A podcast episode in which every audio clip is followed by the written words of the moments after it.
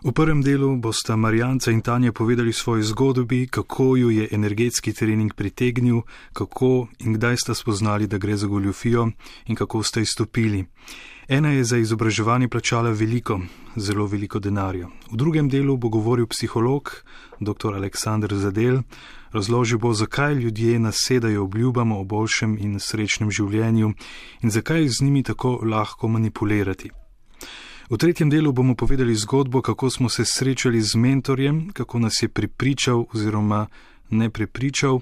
Govorili smo tudi s profesorjem matematike o vzdržnosti piramidnih sistemov in pomenu števil, ne na zadnje je vse skupaj povezano z numerološko analizo žrtev, v zadnjem delu pa boste slišali še, kaj na vse to rečeta tržni inšpektorat in policija. Vdaje pa smo posneli tudi zato, da morda rešimo še koga, ki je padel v dolgove. Vodje skupine ali sekte energetskih treningov, kakorkoli jim rečete, članom celo pripovedujejo stike z domačimi, jih izolirajo od okolice, zaradi česar mnogi ne najdejo poti ven. Čeprav je primer znan že nekaj let, policija združbe še ni ustavila. Na forumu Medovrnet je najbolj bogata zbirka pričevanj, organizatori tečajev so prek dragih odvetnikov že skušali doseči, da se o tem ne bi pisalo ali govorilo.